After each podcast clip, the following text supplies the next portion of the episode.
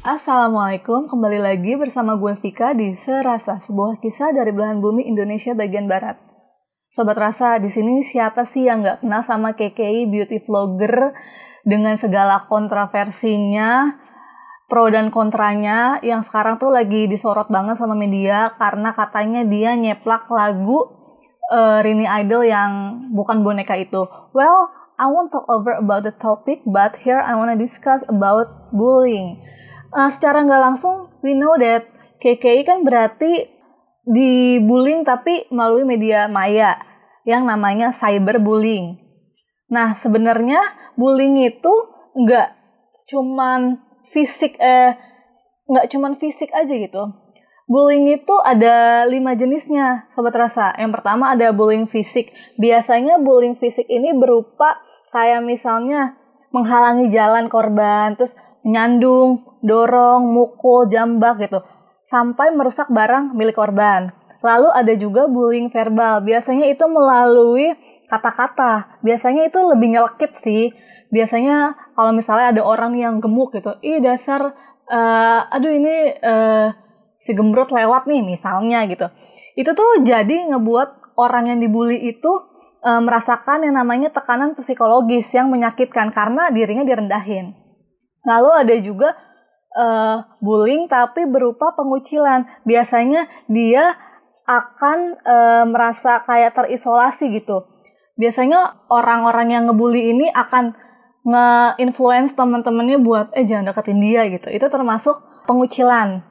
Lalu ada juga bully, bullying dunia maya, cyberbullying kayak yang keke alamin. Lalu ada juga yang terakhir itu bullying seksual.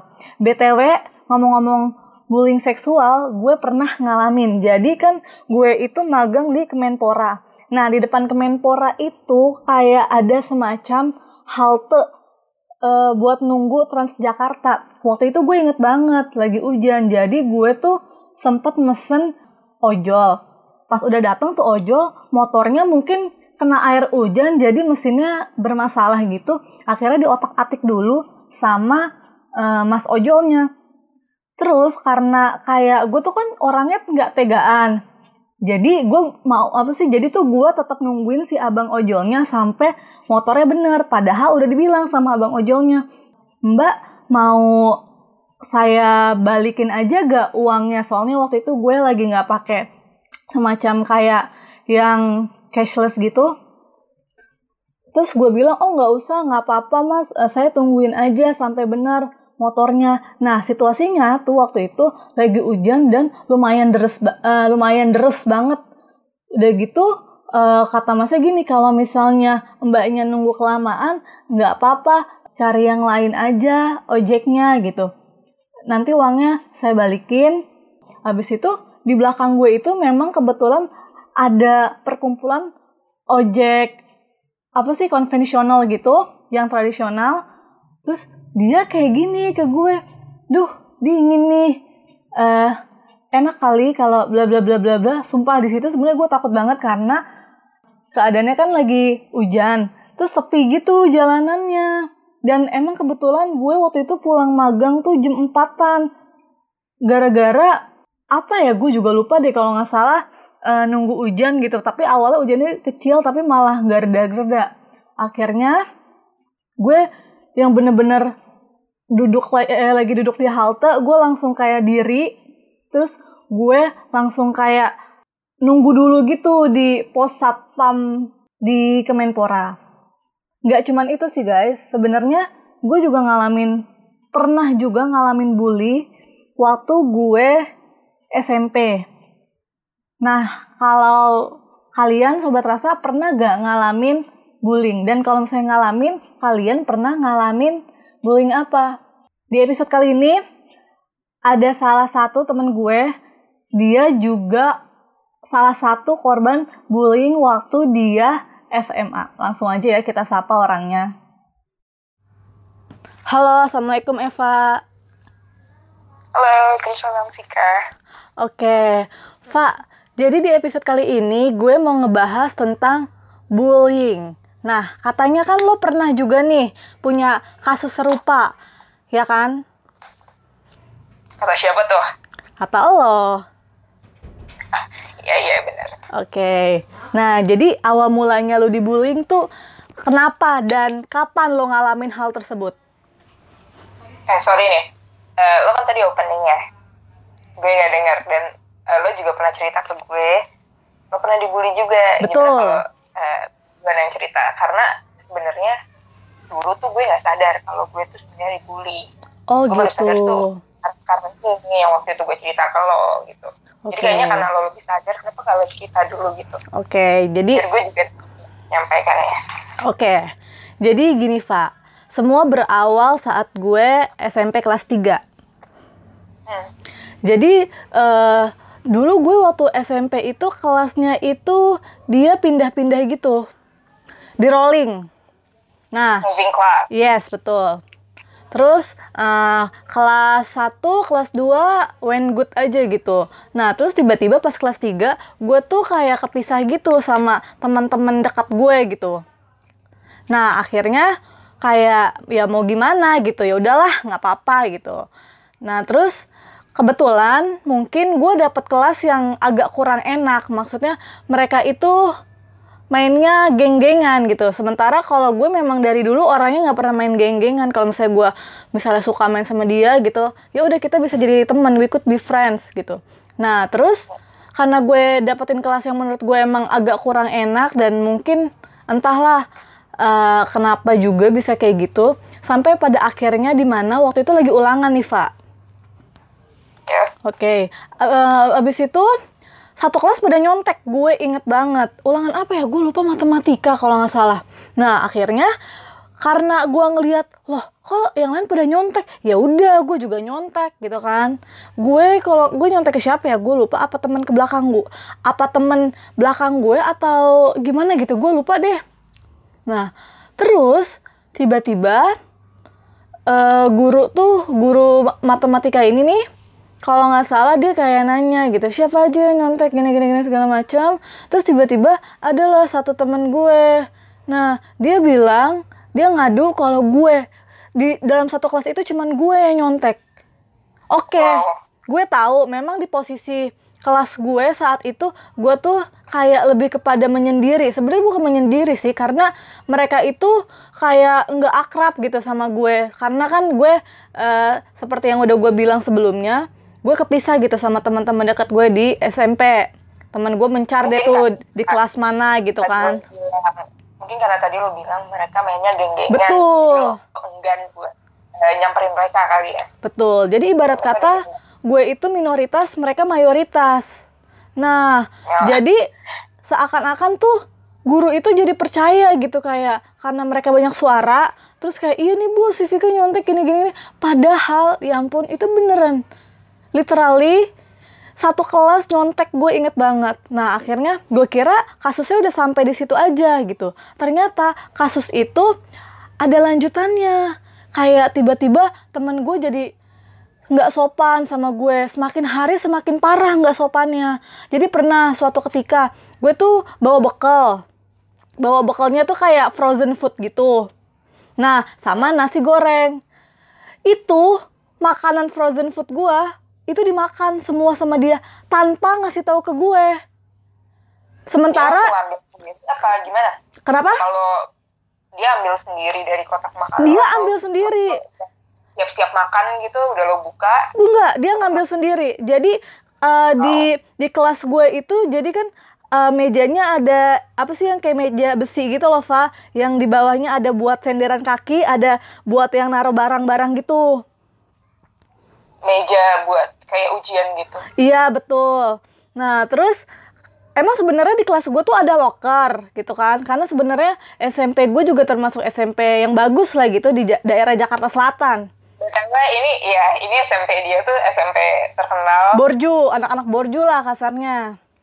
ya meng-meng gitulah belakangnya Betul, betul. Nah, terus gue naruh makanan gue di eh, apa namanya di meja di bawah meja yang buat tempat kayak naruh buku gitu di sela-sela gitu kan. Nah, terus tiba-tiba eh, gue emang kebetulan lagi ninggalin tuh meja, lagi main sama temen gue yang kelas lain kalau nggak salah ya. Pas gue masuk, tiba-tiba lah kok bekal gue tinggal nasi gorengnya doang gitu kan. Em, ke mana ini annya, ke mana yang kayak frozen foodnya gitu. Itu kalau nggak salah cuman tinggal satu apa ya atau dua gitu. Gue lupa padahal ada beberapa gitu. Terus tiba-tiba teman gue dateng, eh sorry ya tadi gue minta makanan. Lu nggak bilang soalnya lu nya nggak ada. Maksud gue gini, kalau lo mau minta kenapa nggak cari gue dulu gitu? Karena gue nggak pernah dari dulu diajarin kayak gitu. Kalau gue mau minta punya orang harus bilang dulu baru ngambil. Iya gak sih? Iya. nah terus Iya. berlanjut lagi nih Fa. Sampai akhirnya di titik bener-bener klimaks itu gue dikatain. Jadi eh, dibully tapi secara eh apa ya? Eh, dikata-katain gitu deh. Iya. Eh kata-katanya juga sebenarnya gimana ya? Gue juga jijik gitu kalau ngejelasin di sini. Karena tuh kata-katanya kasar dan jorok.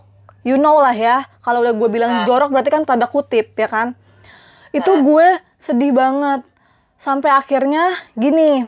Mm, karena gue udah nggak suka sama situasi kayak gitu gue sempet mau pindah btw waktu itu tapi karena kata keluarga gue ya udahlah tanggung gitu. Kalau misalnya mau pindah SMP juga belum tentu eh, keadaan mem- membaik gitu. Pasti kan bakal ada adaptasi lagi kan? Nah, akhirnya gue tetap eh, apa namanya di situ, tapi akhirnya tante gue ngedatengin gurunya. Akhirnya sampai lah tuh eh, tante gue ke sekolah gue, terus ke ruangan BK, terus ngejelasin, Bu, ini keponakan saya dikata-katain kayak gini, gini, gini. Saya sebagai wali murid dari anak tersebut, saya marah gitu. Keluarganya aja nggak pernah bilang dia kayak gini. Akhirnya sampai dibawa ke BK kan kasusnya. Nah, terus gue juga di dalam ruangan itu nangis nangisnya karena gue kesel gitu. Entah gue kesel sama diri gue atau perlakuan teman-teman gue yang kayak gitu gue dikata-katain gak enak banget. Sempet juga gue jadi gini eh, dapat SMS yang gak enak banget terus sempet jadi di di meja gue ditulisin kata-kata jorok gitu. Gue kesel banget Terus akhirnya eh, tante gue bilang ini gimana nih bu, gini gini gini. Saya nggak mau ya bu sampai keponakan saya diginiin lagi. Nah terus eh, gue bilang gini ke bu, eh, ke guru itu, bu tapi jangan sampai ibu ngasih tahu ke anak-anak kalau maksudnya tante saya tuh datang. Karena gue takutnya nanti malah di apa sih namanya? Jadi, Iya, malah dijajing kan, kayak oh dasar lo pengecut lo gini-gini bawa-bawa orang tua ya. Ya sebenarnya kalau dipikir-pikir ya kayak gini memang harus dikasih tahu, memang harus ada peringatan gak sih, ya kan? Nah, terus akhirnya hmm, udah tuh. Terus pas beberapa hari kemudian, gue lagi ke toilet. Nah, jadi sebelum gue ke toilet itu pas banget lagi mapelnya si guru ini yang gue temuin. Nah, pas gue lagi ke toilet, ternyata si guru ini ngebahas di kelas. Terus pas gue masuk, gue disorakin, wah dasar lo Vika pengaduan, wah wah wah. Terus gue dilempar-lemparin kertas, itu bener-bener nyakitin banget kayak sampai tapi detik. itu si gurunya di kelas itu pas lo dilemparin gitu. Kenapa? Masih ada si guru tukang. Ada, ada gurunya. Wow. Dan gurunya cuma bilang, "Shh, shh, ya udah udah udah udah kayak gitu maksud gue. Loh kok lu gitu gitu. Padahal lu juga punya anak gitu. Gimana posisinya kalau yang terjadi itu ke anak lo? Ngerti gak sih? Lagian kan dia guru. Masa kayak gitu sih? Harusnya kan guru bisa bijaksana. Gue di situ bener-bener kayak nggak enak banget. Udah mau kelar sekolah gitu udah mau perpisahan tapi dapat eh kenangan yang buruk bener-bener yang unforgettable moment banget tapi momennya jelek gitu. Sampai detik ini gue masih inget banget gitu. Terus kayak gue akhirnya kayak ngerasa bener-bener disudutkan banget. Terus kayak gue apa-apa sendiri. Bahkan kayak sempet kalau misalnya gue lagi duduk sendiri nih terus teman gue kayak ah nggak mau duduk sebelah Vika ah. Gue kan denger ya. Tapi untungnya ada eh a few temen-temen gue yang dia masih mau temenin gue gitu. Dan alhamdulillah maksudnya kayak ya gara-gara mereka yang mau temenin gue lah eh, gue masih bisa bertahan eh, saat itu. Pokoknya ya kurang lebih kayak gitulah ceritanya. Nah kalau lo sendiri gimana nih pak? Eh gimana nih pak? Kalau gue mungkin nggak sampai main fisik atau dilempar atau dikatain tapi ada intimidasi sosial. intimidasinya kayak gimana yang sekarang gue sadarin ya dulu tuh gue nggak sadar gue tuh awalnya bercanda sama satu orang cowok ini Mm-mm. eh Mas, eh, lucunya adalah banyak eh, anak-anak dari SMP-nya Vika Mm-mm. yang satu sekolah sama gue di SMA Oke. tapi mereka tidak eh, membuli gue kok Mm. nah em, jadi awalnya bercanda-bercanda aja karena gue eh, anaknya judis kan terus gue bercanda ini judis gitu tapi lama-lama kok nih anak kayak yang lain kok jadi pada ngikutin ya padahal ini cuma Mm. hmm, kasar antara gue dan satu orang ini btw dia cowok nih yang Mm-mm. memulai lama-lama yang lain ikutan terus yang cowok makin menjadi-jadi aja yang gue rasain Mm-mm. gue udah sebenarnya detailnya tuh terjadi apa-apa-apa aja tapi eh, sampai eh, ada sampai anak-anak perempuannya ya kan kalau misalnya sama cowok ya udahlah cowok-cowok aja udah amat gitu ya Mm-mm. tapi kalau sampai perempuannya juga nggak mau temenan sama kita itu kan udah jadi masalah nggak sih Mm-mm, betul. karena kita perempuan mostly main sama perempuan itu gue kalau gue Mm-mm.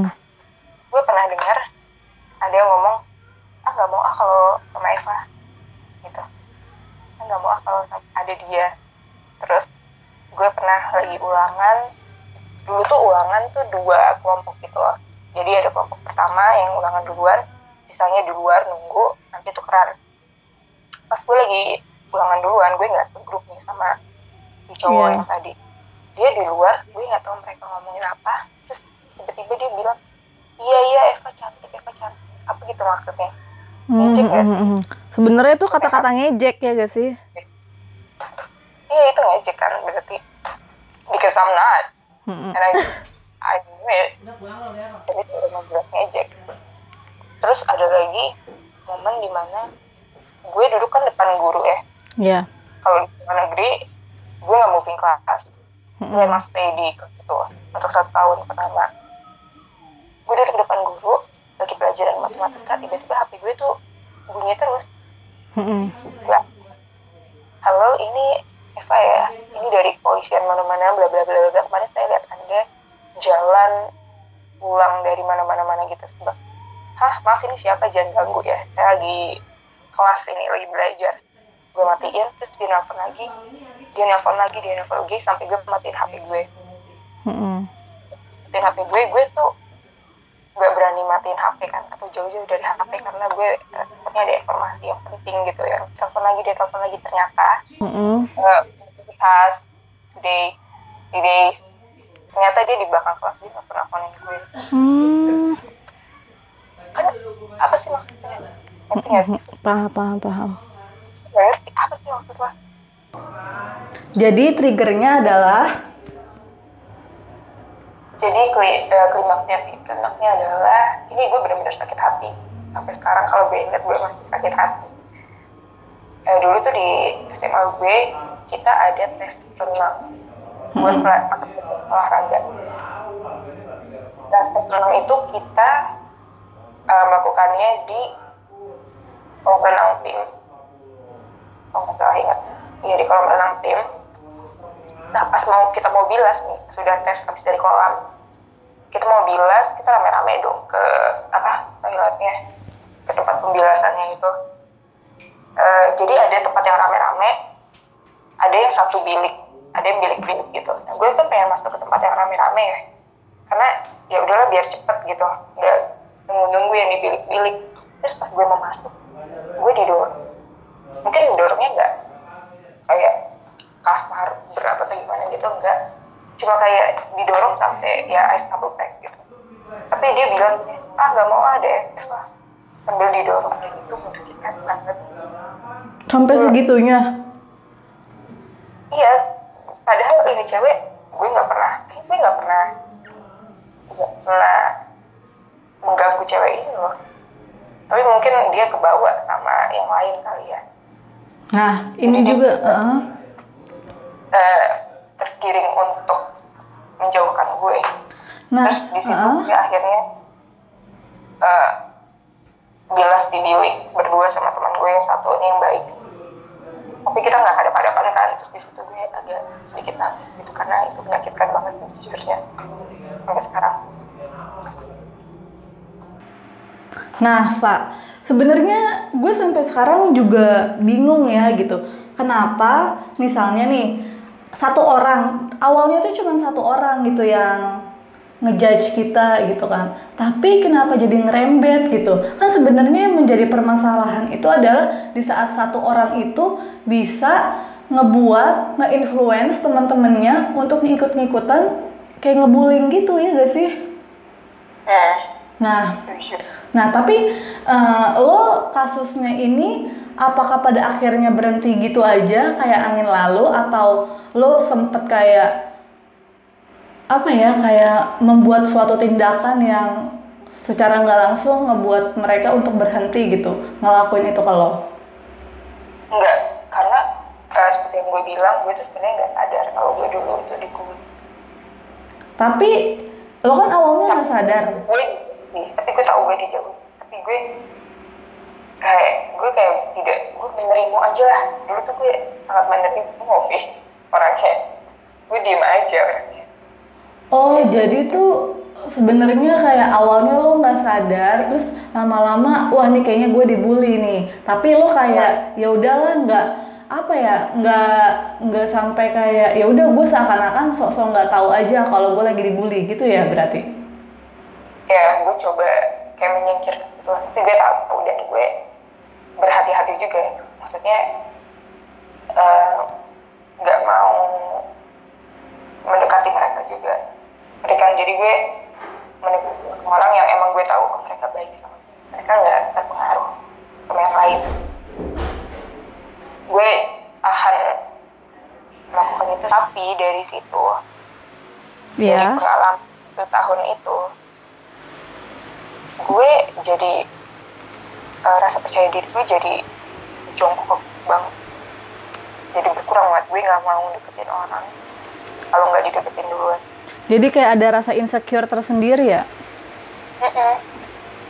jadi kayak gue takut kalau deket kalau deketin orang kayak ih gue gak ya Oke, nah itu eh, berapa lama tuh lu ngalamin? Kalau gue itu kan ngalaminnya kurang lebih enam bulan lah, karena kan emang gue tuh udah waktu itu lagi udah akhir-akhir eh, SMP gitu, udah pengen ke SMA, terus dibully. Kalau lu sendiri waktu itu kelas berapa? kelas 10 Oh, sampai kelas SMA. 10. SD, kurang lebih enam bulanan enam bulanan juga. Tapi se- setelah setelah lo pindah kelas kan katanya eh, kelas lo kan moving class, itu udah berhenti tuh dibullyingnya. ya? ini kelas mbak ini naik kelas maksudnya Mm-mm. kelas ke kelas 2 Iya, karena kelas 2 kan kita udah peminatan ya iya betul. IPS. nah mereka yang eh, menghardik gue itu masuk IPA jadi kita nggak ketemu karena beda lantai Oh lu IPS ya? gue IPS Hmm, oke. tapi ya gue merasakan efeknya sampai sekarang sih Sampai sekarang really? Iyalah kan gue jadi uh, takutan gue em, apa namanya percaya diri gue itu rendah banget jadinya. Hmm, hmm, hmm, hmm. Tapi, orang gitu enggak Heeh. sebenarnya kalau mau kalau mau ya kita kenalnya udah lama ya Hmm, kan gue bisa menjadi friendly banget kan sebenarnya. Hmm, ya hmm. semuanya sendiri. Ya tapi kan gitu ya kalau sama yang udah kenal.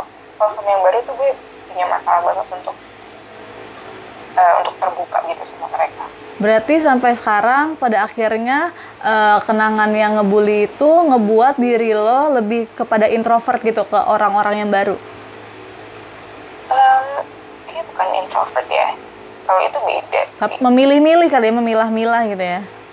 iya jadi eh, benar-benar berhati-hati kali ya Oke, I see. Nah, tapi lo pernah gak kayak apa ya? Apakah dari mereka-mereka yang udah nyakitin lo itu, apa lo kadang suka masih ngekepoin mereka atau kayak lo tuh uh, kalian udah lost contact gitu aja dan kayak yaudah gue nggak mau tahu juga hidup mereka gitu.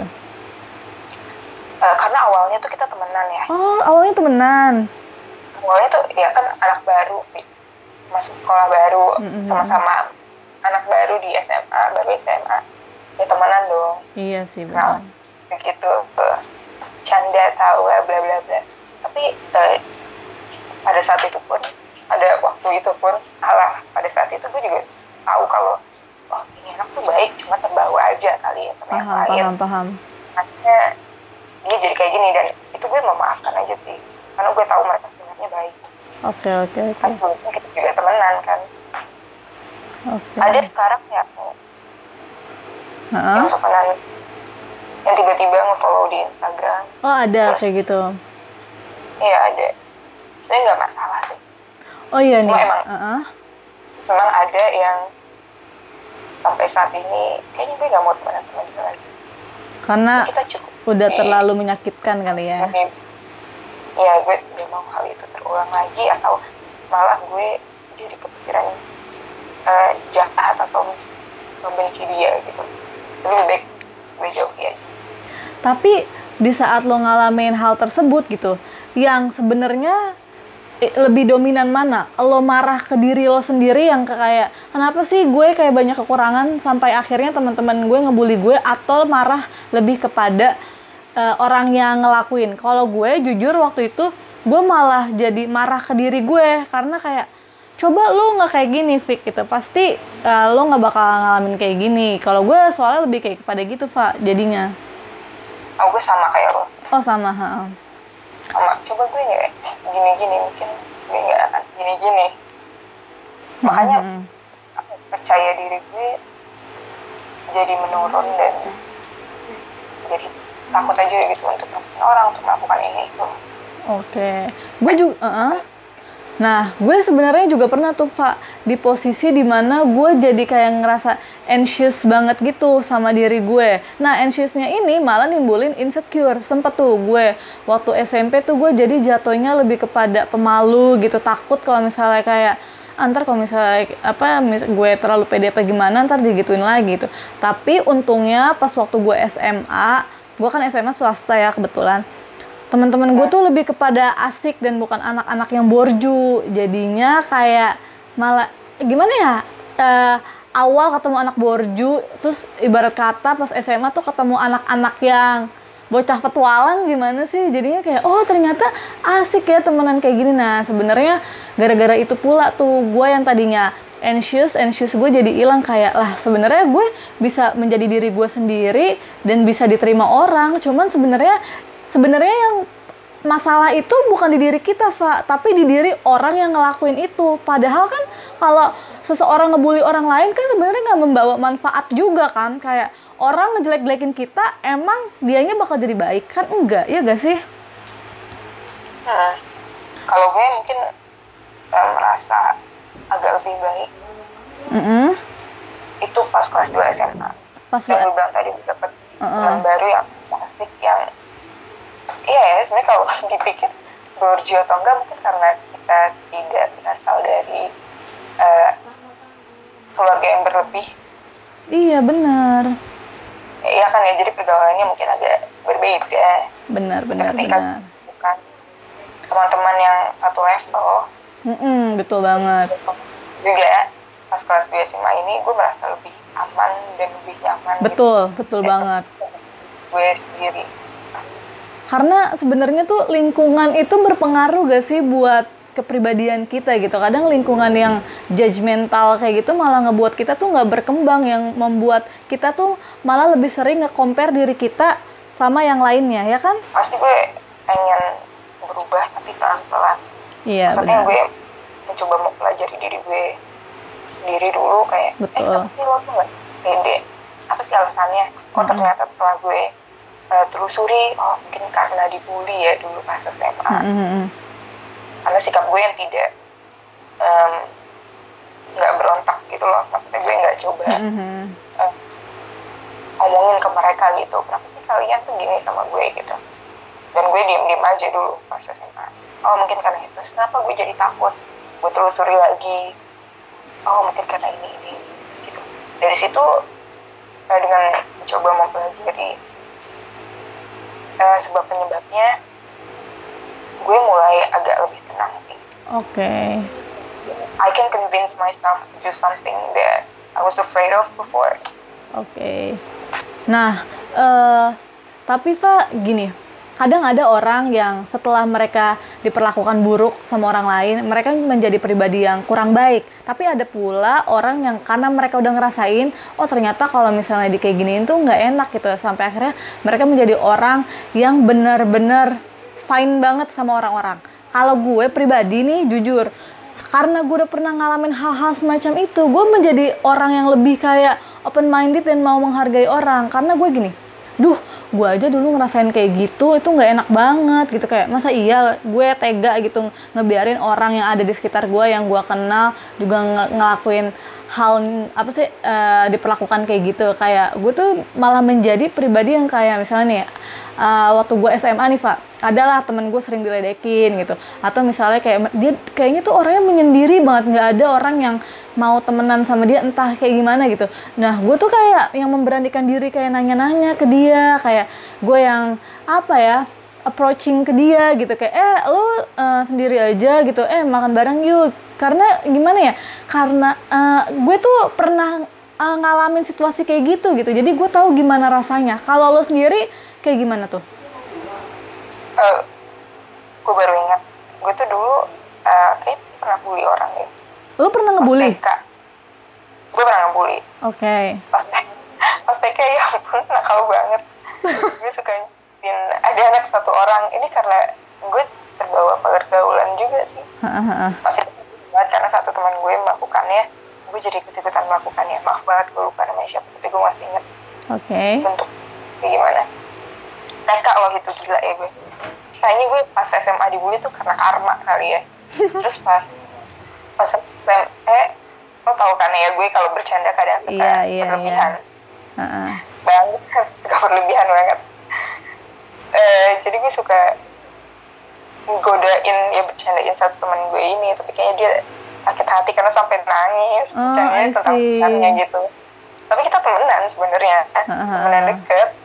Jadi duduk di belakang gue ini pas SMP duduk di belakang gue dia suka cerita tentang pacarnya terus gue goda-godain eh, tentang pacarnya gitu terus dia mungkin lagi putus hati ya yang putus hati terus dia akhirnya nangis oh I see.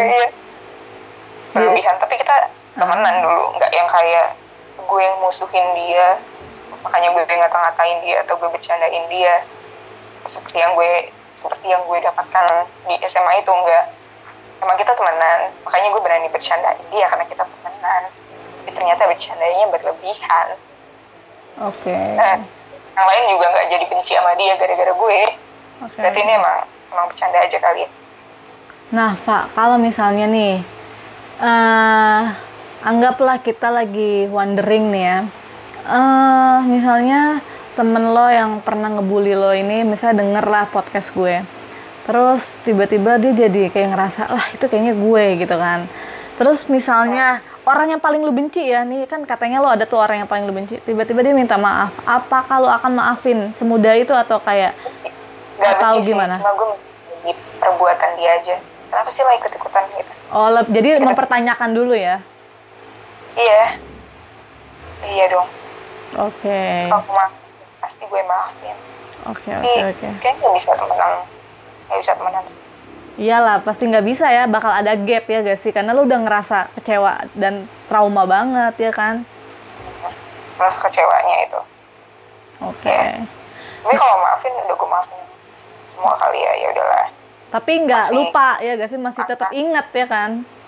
masih tetap ingat Oke oke oke. dan nggak mau berhubungan kalau bisa sih jangan ya Oke. Nah, Pak, menurut lu sendiri nih, perbuatan bullying tuh seburuk apa sih di mata lo gitu? Karena kan kalau ya, gue nih sebagai yang apa sih korban gitu kan, menurut gue tuh bullying tuh apa ya? Suatu hal yang menurut gue nggak ada manfaatnya gitu. Lo malah udah ngatain orang, terus habis itu berbekas pula di hidup tuh orang sampai akhirnya ngefek ngaruh ke mana-mana. kalau ya emang nggak pernah emang ini bukan sesuatu yang benar Betul, perbuatan ini perbuatan yang salah betul. ya udah sih itu aja I don't really have much to say about it Pak, kalau ya- Heeh. nah, Pak, eh, kalau misalnya nih, gue pengen karena kita ibarat kata udah pernah penga- ah, udah punya pengalaman seperti ini gitu yang nggak enak gitu. Let's say orang di luar sana atau ada orang yang lagi dibully nih sama teman-temannya. Lu punya pesan apa untuk mereka yang suka banget ngebully orang karena misalnya ada temennya yang kekurangan gimana gimana atau ada sesuatu yang dia nggak punya tapi si orang yang ngebully itu punya lo uh, mau gak berpesan sesuatu supaya kayak stop bullying jangan ngelakuin ke hal itu gitu. Ini buat orang yang ngebully? Eh, eh, buat orang yang ngebully. Em, jangan bully deh. Ntar pasti lo ketika udah dewasa lo akan ingat itu kembali dan lo akan menyesal. Oke. Terusan. Pasti lo kalau jahat sama orang lo nyesel kan? Kayak kepikiran gitu nggak sih? Kalau gitu sih benar gitu ya. benar. Feeling guilty ya jatuhnya guilty iya ntar lo pasti akan keinget. Dan kalau lo gengsi lo nggak mau minta maaf kan karena ya ampun udah lama gitu tapi keinget terus.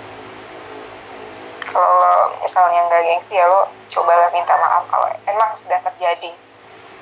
Dulu sekarang pasti kalau udah dewasa bully itu udah udah kayak ngapain sih gue bully-bully orang? Pasti maunya support satu sama lain. At least itu di lingkungan gue kayak gitu ya sebagai salah satu korban bullying waktu sekolah jujur gue pribadi sampai detik ini masih keinget sama kejadian itu. Tapi bukan berarti gue kayak ah pengen balas dendam. Enggak gitu. Kan definisi hidup tuh sebenarnya apa sih gitu? Hidup kan kita nyari temen nyari relasi uh, spirit the love bukan nyari musuh. Toh kalau misalnya ada orang gitu yang uh, ngelakuin hal tersebut bullying ke orang lain. Sebenarnya itu juga nggak akan ngebuat uh, yang melakukan terlihat baik gitu kan. Malahan ngebuat diri dia tuh dengan sendirinya turun pamor. Turun pamor tuh dalam artian gini pasti kan ada sebagian orang gitu yang mikir ih ini orang kok suka ngebullying gitu loh.